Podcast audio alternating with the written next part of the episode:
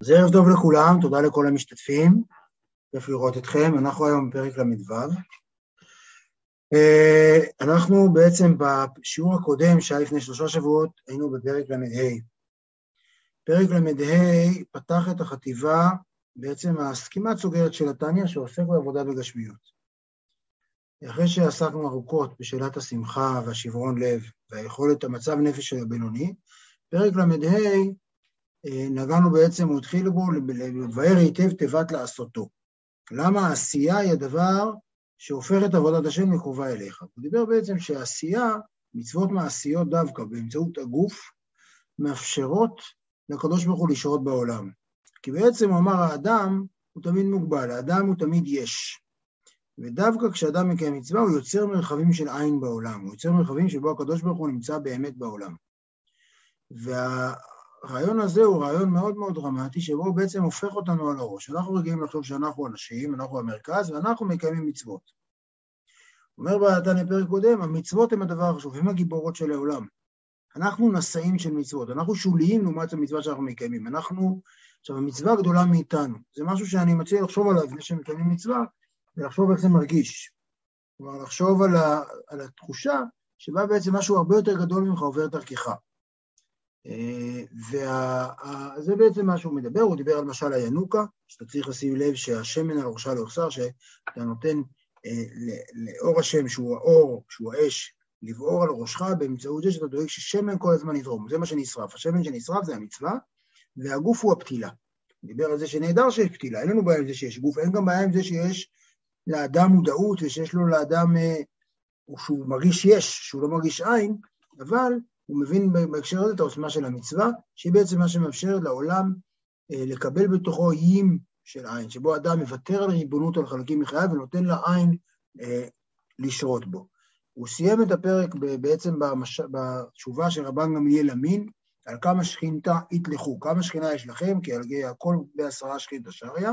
הוא אומר שבעצם, כל, שבעצם הדבר הזה הוא כמו חלונות. בעצם כל מצווה שאדם יקיים מחלון שבאמצעותו פורץ עין לתוך היש. בפרק הזה אנחנו נמשיך את המהלך הזה ונדבר רגע על הקדוש ברוך הוא, ובפרק הבא נדבר מה המשמעות של זה לאדם. אז פרק ל"ו, אה, לא ארוך דווקא, אני חושב שהשיעור אה, לא יהיה ארוך, אבל נראה. פרק ל"ו, שהוא מולכם כרגע, מתחיל והנה מודעת זאת, מאמר רבותינו זיכרונם לברכה, שתכלית בריאת עולם הזה ושנתבע הקדוש ברוך הוא להיות לו דירה בתחתונים. זה באמת ממרה מאוד מאוד uh, מפורסמת, uh, שגם הוא אחד מ-12 הפסוקים של חב"ד, וילדים חב"דניקים מאוד, אוהבים להגיד תחתונים, זה מאוד מרגש אותם, ו, uh, אבל תכלית בריאת העולם הזה הוא שנתבע הקדוש ברוך הוא להיות דירה בתחתונים, זה מגיע ממדרש תנחומה, שהקדוש ברוך הוא מדבר על חטא אדם הראשון, מדברים שם על האדם הראשון, והחטא אדם הראשון אומר, רציתי דירה בתחתונים וזה מה שקרה לי. כלומר, דווקא בהקשר של החטא, ואחרי זה הוא מדבר על בעצם מה שקרה, ואז הוא סילק את דירתו, ואחרי זה הוא הוריד אותה חזרה, עד שהקדוש ברוך הוא, עד שמשה רבנו במעמד הר סיני, הוריד חזרה את השכינה אל התחתונים. אבל הרעיון הזה, על זה יש הרבה דיבורים, על דבר הקדוש ברוך הוא להיות לו דירה בתחתונים, שהשאלה היא למה. אז יש תשובה אחת מאוד מפורסמת, שאומרים שעל תאוות לא שואלים שאלות, ושזה היה התאווה של הקדוש ברוך הוא, ואנחנו לא מבינים למה. אבל אומרים ש... ואנחנו, אבל בכל זאת, הוא יסביר את זה עוד מעט, והוא ידבר על זה שבעצם הקדוש ברוך הוא רצה, זה, הוא יכול לברוא ברגע אחד עוד מיליארדים של מלאכים שאומרים קדוש קדוש קדוש ולומדים כל היום תורה. זה קל לו. אבל הוא רצה ליצור מישהו שמרגיש נפרד ובכל זאת בוחר בו. כלומר, הוא זרק את, ה, את האדם, את היצור הכי רחוק שאפשר, ומשם אה, להצליח ליצור תקשורת. וזה המטרה של דירה בתחתונים, ליצור את הדבר הכי רחוק שאפשר, ושמישהו מתוך בחירה, מישהו מתוך בחירה אה, בוחר בו ונותן לו מקום בתוך העולם הזה. זה בעצם איזה מהלך כזה שמאוד רגע נראה אותו. אבל נתבע הקדוש ברוך הוא להיות לו דירה בתחתונים. והנה, לא שייך לפניו מדבר מבחינת מעלה ומטה, כי הוא יתברך ממלא כל הימים בשווה. כן, הקדוש ברוך הוא זה לא גיאוגרפי. קודם כל הוא מוריד על הסף את העניין הגיאוגרפי, הוא גם אומר, זה לא שיש מקום ריק מהקדוש ברוך הוא שהוא רצה להגדיל את השיטה שלו לאזורים ריקים, אלא הוא ממלא כל מיני שווה. אז מה הכוונה? אלא ביאור העניין, כי קודם שנברא העולם היה הוא לבדו יתברך יחיד ומיוחד. הוא ממלא כל המקום הזה שברא בו העולם. כן, הקדוש ברוך הוא היה לפני שנברא העולם, הוא היה לו אחדות פשוטה מלאה, גורפת מקצה לקצה, אם יש קצה. וגם אתה כן הוא לפניו מטבח, גם עכשיו זה אותו דבר, הקדוש ברוך הוא מלא את כל העולם לגמרי. אבל מה כן הוא עשה? אנחנו נדבר על זה גם בעזרת השם בשער ייחוד האמונה, אני מקווה שנמשיך כאן להזדקן ביחד ולהגיע לזה. שער ייחוד האמונה זה בעצם החלק השני של התניא, שבו הוא מדבר על זה ביותר בהרחבה. אבל בעצם הוא צמצם, הוא יצר צמצום, בתוכו עצמו הוא יצר מרחב שבו הוא כביכול לא נמצא. זה לא שהוא לא נמצא, אלא שבו הנבראים לא מרגישים אותו. אפשר לתת לזה הרבה משלים, אבל זה בעצם מצב שבו אתה מרגיש כאילו הוא לא נמצא, אבל בעצם הוא נמצא. זה רק שהש... רק, גם אתה כן הוא לפניו יתברך, רק שהשינוי הוא אלה מקבלים מחיותו וראו יתברך. כלומר, המקבלים, הנבראים, הם חושבים, אנחנו חושבים שהקדוש ברוך הוא לא נמצא, אנחנו חושבים שיש היעדר. שמקבלים את אורו יתברך על ידי לבושים רבים המכסים ומסתירים אורו יתברך. הדרך היחידה לקבל את הנוכחות שלו זה באמצעות הרבה מאוד לבושים שמכסים ומסתירים. הוא יוצר הסתר, הוא יוצר מרחב נסתר, שבו הוא כביכול נמצא. הוא כאילו כמו איזה הורה שעומד רגע ומציץ מהצד, או מציץ מאחורי אה, משהו שמסתיר אותו, הילד חושב שהוא לבד, אבל הוא לגמרי לא לבד. בסדר, דמיינו תינוק שחושב שהוא לבד, אבל ההורה מציץ אליו מהצד. זה כביכול הסיטואציה, כמובן שזה אחרת לגמרי מהקדוש ברוך כי דכתיב שמקבלים לבושים רבים, שמקבלים על ידי את האורו, על ידי לבושים רבים המכסים ומסתירים אורו יתברך. כי דכתיב כי לא יראני האדם וחי. כדי, כלומר, האדם וחי, אין הכוונה כאן באופן שבו הוא קורא כאן בפסוק, זה לא האדם והמציא לחיות, אלא האדם וחי, גם האדם וגם המלאכים. כדי בשור רבותינו זיכרונם לברכה, שאפילו מלאכים הנקראים חיות, אין רואים את הקדוש ברוך הוא. כלומר, גם האדם וגם המלאכים לא יכולים לראות את הקדוש ברוך הוא כאן. הקדוש ברוך הוא ברא, יצר סיטואציה שבו העולם, אי אפשר לראות אותו בשום אופן. הוא יצר סיטואציה של עולם מנוכר, של עולם ריק, אבל זה כל זה רק מבחינתנו. אין לזה שום משמעות מבחינתו, הוא נמצא כאן באותה מידה. אנחנו מרגישים לרגע לבד. אגב, זה דבר מאוד מנחם לדעת את הדבר הזה. את הדבר הזה שבעצם כל זה רק אנחנו. כמו שאמרתי, בשער יחודי האמונה נדבר על שינוי תנועת המבט, להתחיל להסתכל על העולם מנקודת מבטו של אלוהים, שזה גם מה שאנחנו עושים בקריאת שמע, קוראים לזה ייחוד העילה, ייחוד העליון, שבו אנחנו מסתכלים על העולם מנקודת מבטו של אלוהים, ואז אנחנו בכלל לא רואים עולם, לכן עוצמים עיניים בקריאת שמע, כי בעצם אין עולם שקיים. וזהו עניין השתלשלות העולמות וירידתם ממדרגה למדרגה, על ידי ריבוי הלבושים המסתירים האור והחיות שעמנו יתברך. עד שנברא העולם הזה, הגשמי והחומרי ממש. וזה הרעיון של השתלשלות העולמות. עכשיו יש, השתלשלות העולמות זה לאט לאט, צמצום אחר צמצום אחר צמצום, באופן אה, אה, מאורגן יחסית. כלומר, כל פעם זה עוד שכבה, ומתוך יותר, כל פעם זה, זה תהליך יחסית הדרגתי. אבל מתישהו בתהליך הדרגתי הזה יש קפיצה. תהליך ההדרגתי הזה יש קפיצה, כאשר נברא עולם גשמי וחומרי ממש. בעצם לא מובן איך במרחב שכולו רוחני, שכולו אלוהי, פתאום נוצר משהו גשמי וחומרי. שמשהו גשמי וחומרי שמרגיש, שאתה מוחשי שמרגיש נפרד. ועל זה אומרים שדווקא בגלל זה, בשביל לברוא את העולם החומרי והגשמי, הייתה צריכה להיות מעורבות אדירה של אינסוף. כלומר, מה הדבר היחיד שיכול להסתיר אינסוף? זה אינסוף בעצמו. ולכן. בתוך העולם החומרי, ונדבר על זה בהמשך, בתוך החומריות של העולם, אה, יש, בהרבה, יש טעון בה הרבה מאוד מהאינסוף. כי בשביל ליצור משהו כך נפרד, כל כך רחוק, צריך איזה סוג של אה, אה, קפיצה, והקפיצה הזאת רק אינסוף מסוגל לעשות אותה.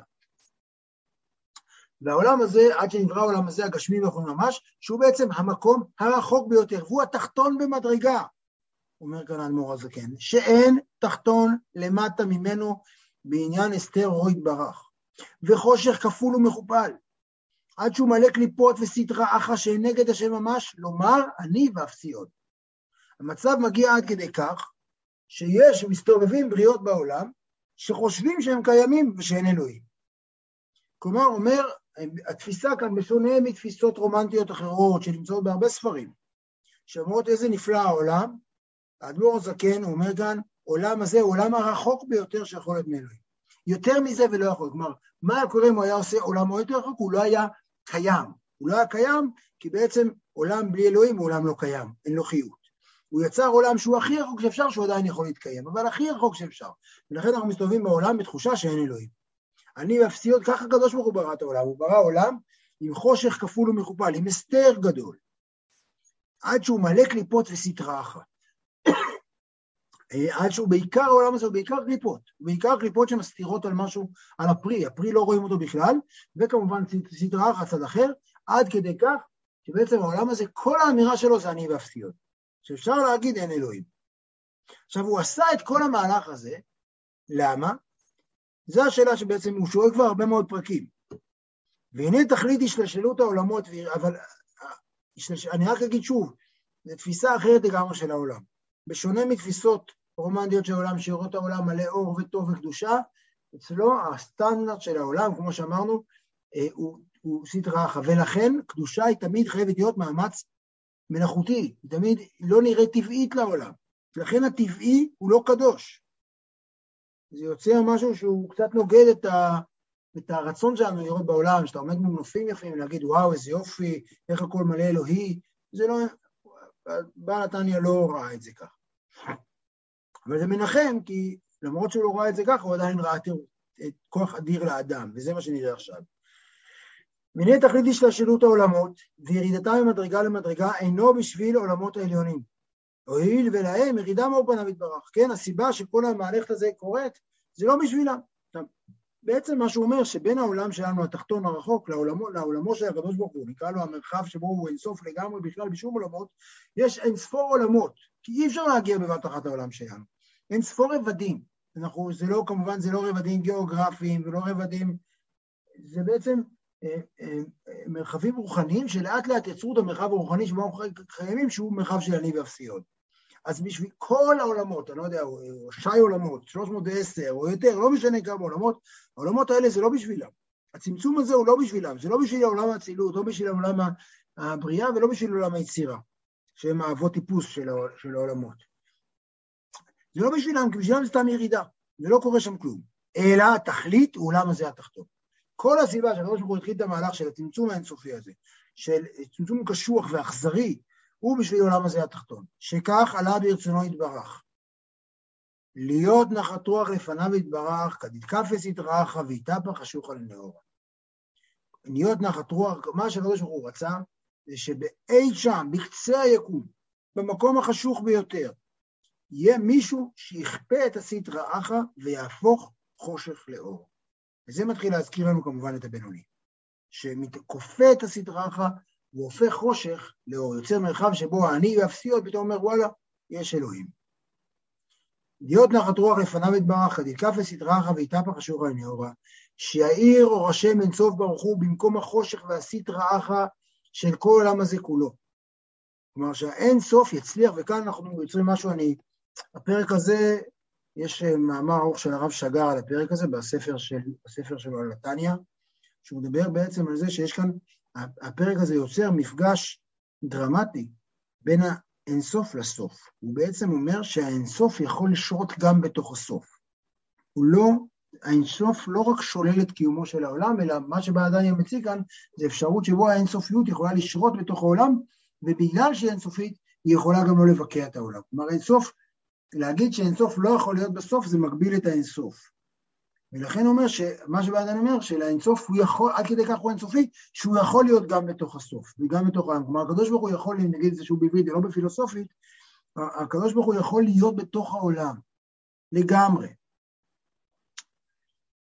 שיאיר אור השם אינסוף ברוך הוא במקום החושך והסטרא אחרא של כל העולם הזה כולו, ביתר שאת ויתר עוז. ויתרון אור מן החושך מהרתו בעולמות עליונים.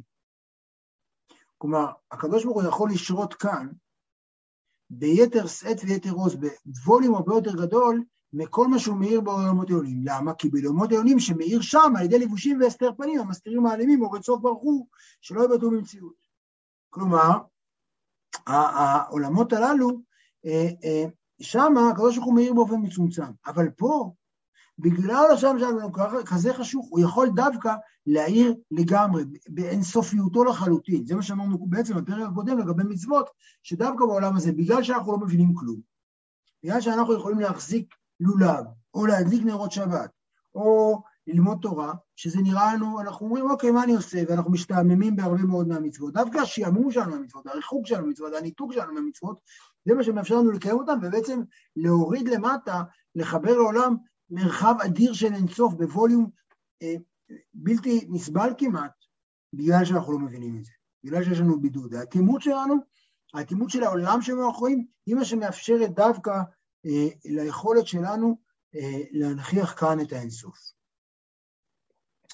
ולזה, עכשיו עד כאן, זה בעצם המטרה של בריאת העולם. המטרה של בריאת העולם זה ליצור מרחב שבו זה לא שיש לקדוש ברוך הוא עוד מלאך שאומר קדוש קדוש קדוש, אלא שיש אדם שלמרות שהוא יכול באותו רגע לנמנם במיטה או לעשות דבר אחר, הוא יכול לקום ולהגיד אני רוצה להתפלל. בשביל הדבר הזה קיים העולם, בשביל הרגע הזה, שבתוך החושך והקליפות ובתוך האני והפסיעות, פתאום קם אדם ואומר אמירה אחרת, הוא בעצם הולך נגד כל כוח הכבידה, נגד כל הכיוון של העולם. והוא אומר דבר כזה, הוא יוצר מרחב שבו האינסוף יכול אה, לשרות בעולם.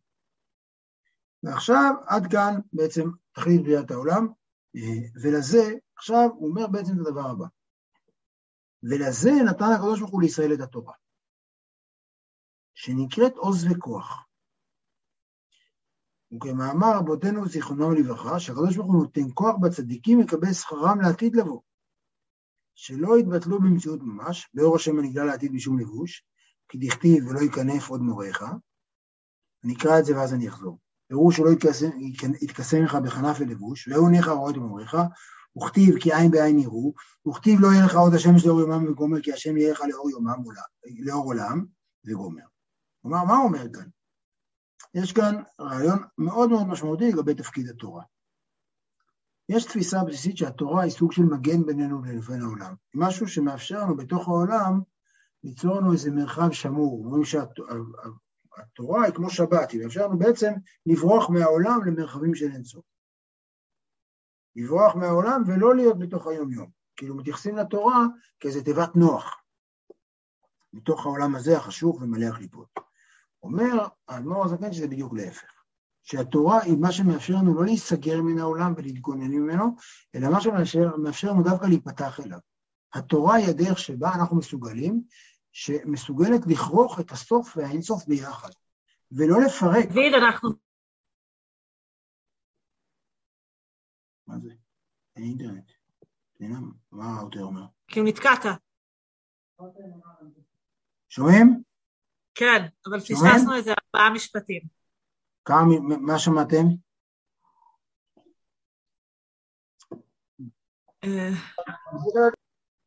אה, טוב, אז אני אחזור רגע מתחילת הפסקה, ולזה נתן הקדוש ברוך הוא ישראל את התורה. כאילו נקטעת באמצע ההסבר על הפסקה. אוקיי, מעולה. התורה היא מגנה, זה כאילו היה השלב אוקיי, שנקטע. תודה. אז אמרתי שהתורה נתפסת כתיבת נוח שנועדה להתגונן מפני העולם, שנועדה בעצם לאפשר בריחה מהעולם. אומר בעל התניא שהתורה בעצם עושה מהלך הפוך, התורה מאפשרת לנו לכרוך את הסוף והאינסוף יחד. התורה היא סוג של נוסחה שבעצם מאפשרת אה, אה, לאינסוף להיות שורה, שרוי בסוף, בלי שהסוף מתחסל. כי הרי באופן כללי אנחנו יודעים שכשקדוש ברוך הוא מתגלה, זה בעצם הודף את העולם, כי אי אפשר, העולם מפסיק להתקיים. ויש לנו פה שורה של פסוקים שמדברים על התגלות של אלוהים, ועדיין שהעולם קיים. והדבר הזה הוא האירוע שהתורה מאפשרת. ועכשיו נקרא את זה שוב. ולזה נתן הקדוש ברוך הוא לישראל את התורה, שנקראת עוז וכוח. כלומר, איזה כוח במובן הזה? שמסוגלת להחזיק את האינסוף יחד עם הסוף. כלומר, יש כאן משהו שדורש להחזיק, זה משהו שאמור ליצור ביקוע אטומי של פיצוץ, וזה לא קורה. וכמאמר רבותינו זיכרונם לברכה, שהקדוש ברוך הוא נותן כוח בצדיקים לקבל שכרם לעתיד לבוא. כלומר, התורה, על לקבל שכרם, אין הכוונה כאן לתת להם שכר על, על פועלם, במובן הזה של אה, עשית מצווה אז תקבל שכר, אלא לחוות את המצוות.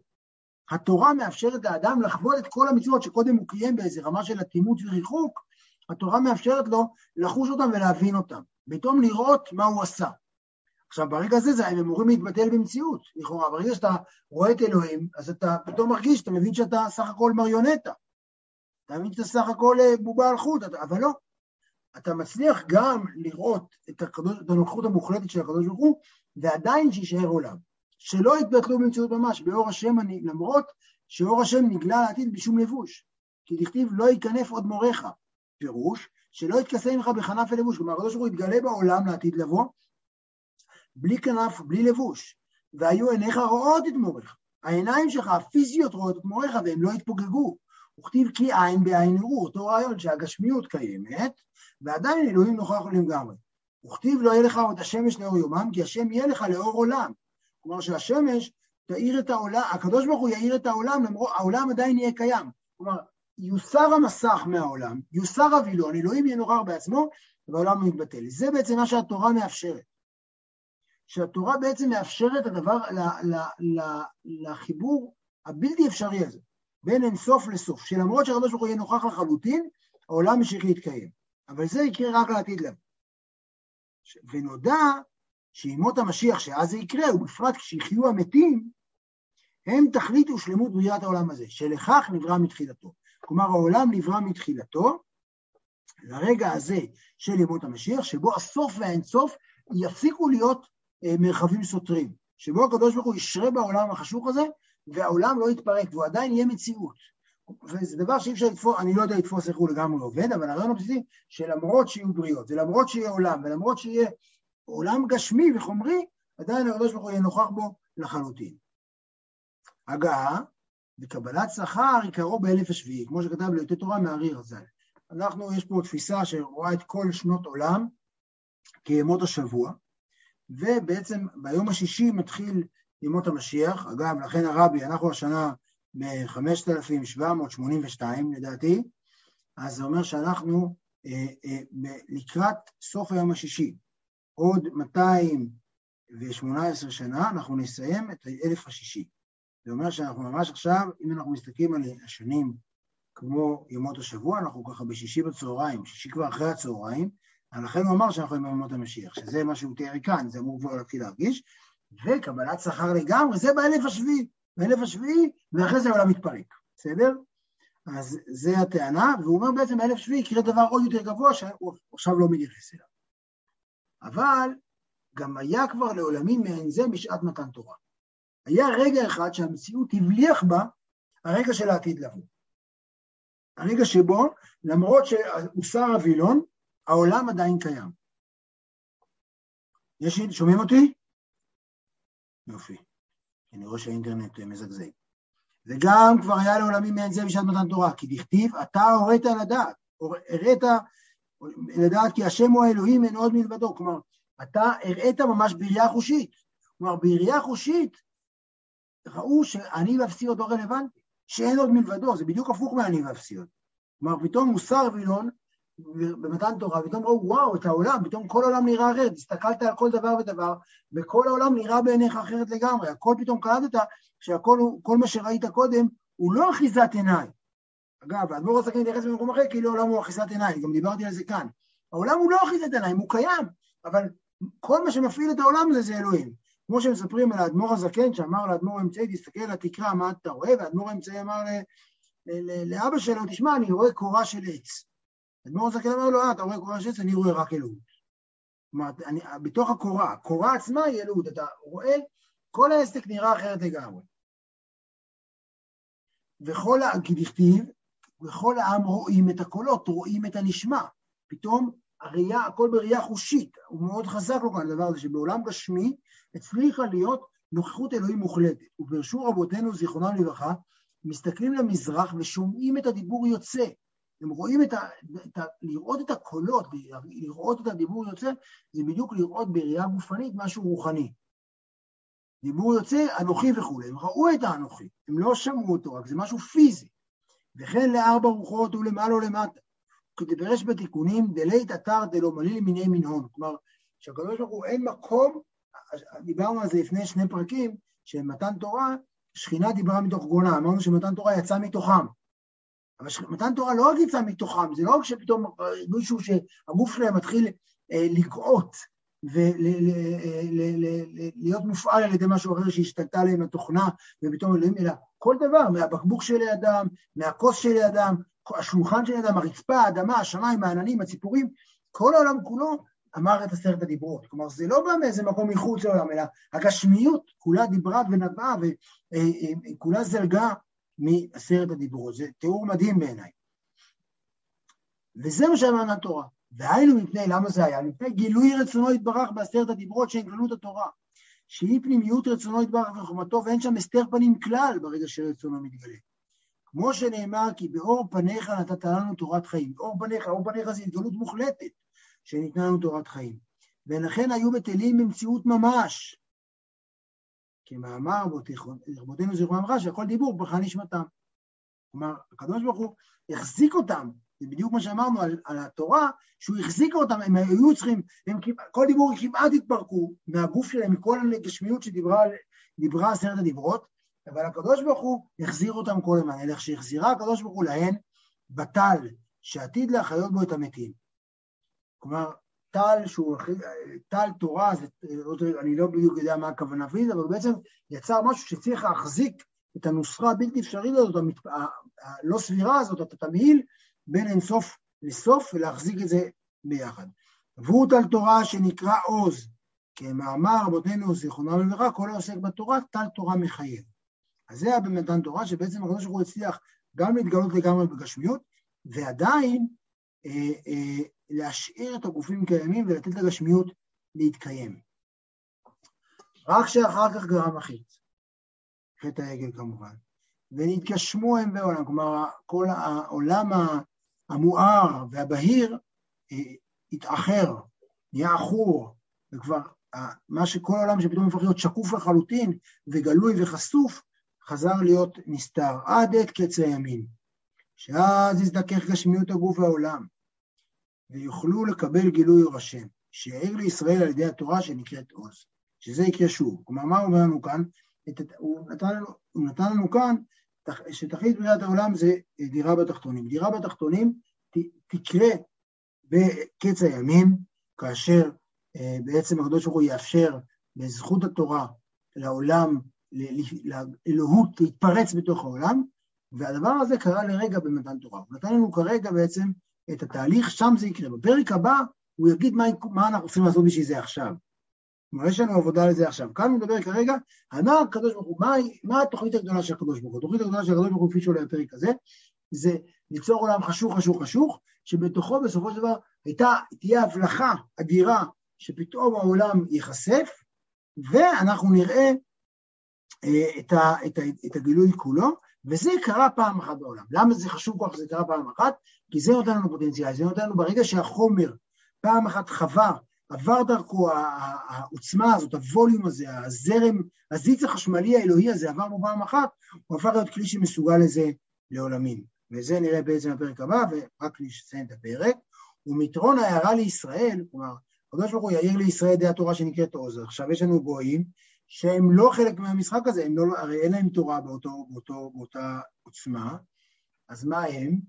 ומתרון ההערה לישראל יגיע חושך האומות גם כן.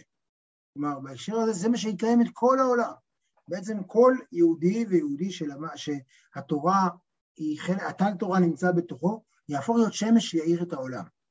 ומתרון הערה לישראל יגיע חושך האומות גם כדכתיב, והלכו גויים לאורך. וכתיב בית יעקב נלכו לנך באור השם. וכתיב ונגלה כבוד השם וראו כל בשר יחדיו. וכתיב לבוא בנקרא הצורים ובסעיפי הסלעים מפני פחד השם ומהדר גאונו. כמו שנאמר, והופע בהדר גאונו זיך על כל יושבי תבל ארציך, וגומר. כלומר, הרעיון הוא שבעצם הדבר הזה הוא משהו שיקרה לכל העולם. הוא לא יבטל את העולם. אין פה בתכלית בריאת העולם, בשונה מהתפיסה שלו בפרקים הקודמים, שרק ישראל, פה הוא מדבר על משהו אוניברסלי שברגע שיקרה, בעצם המצוות שלנו, התורה שלנו, שאנחנו יוצרים באמצעותם, איים של אינסוף בתוך הסוף, של הערה של אלוהים בתוך העולם הזה, הם בעצם משהו שבסופו של דבר יש לו אפקט לכל העולם, אין לו רק אפקט אה, לישראל. אז בפרק הזה הוא בעצם דיבר על מה היה הסיפור של הקדוש ברוך הוא, מה הוא מצא, וזה בעצם, כמו שאומר רב שטיינץ, יש לו ניסוי אדיר, הוא זרק את, ה, את, ה, את, ה, את האדם למרחב הכי רחוק שאפשר, הכי חשוב, הכי עמוק, הכי מרוחק, הכי מנוכר, חושך כפול ומכופל, ומשם הוא רוצה לראות אם, אפשר, אם הוא שומע קול. מהמקום הכי רחוק הזה, יש איזה סיפור מאוד יפה של רבי נחמן על תקיעת שופר, אבל זה בעצם הרעיון, לראות, יש כאן ניסוי, האם, ברוך הוא עושה ניסוי, האם הבריאה הרחוקה הזאת תוכל להחזיר בחזרה איזה סוג של שדר, איזה סוג של קול, ולהגיד, אלוהים אני מחכה לך. זה בעצם הרעיון של בריאת העולם, וזה נותן לנו, לכל מצווה, ולכל רגע שבו אנחנו מצליחים לזהות אלוהים, זה כוח אדיר, זה דבר לא מובן מאליו. זה, העובדה שאנחנו מצליחים אה, אה, לרגעים, אפילו רגעים של פעם בחיים, אה, להצליח לנקוש בדלת של אלוהים ולהגיד אנחנו מחכים לך, זה דרמה, זה כל כך לא מובן מאליו, בשביל זה נברא העולם. אז זה בעצם הפרק הזה. בפרק הבא אנחנו נדבר בעצם מה התפקיד של האדם בעולם הזה בהקשר הזה, העולם שלנו. רגע אחד, ונסיים את ההקלטה. תודה רבה, ערב טוב.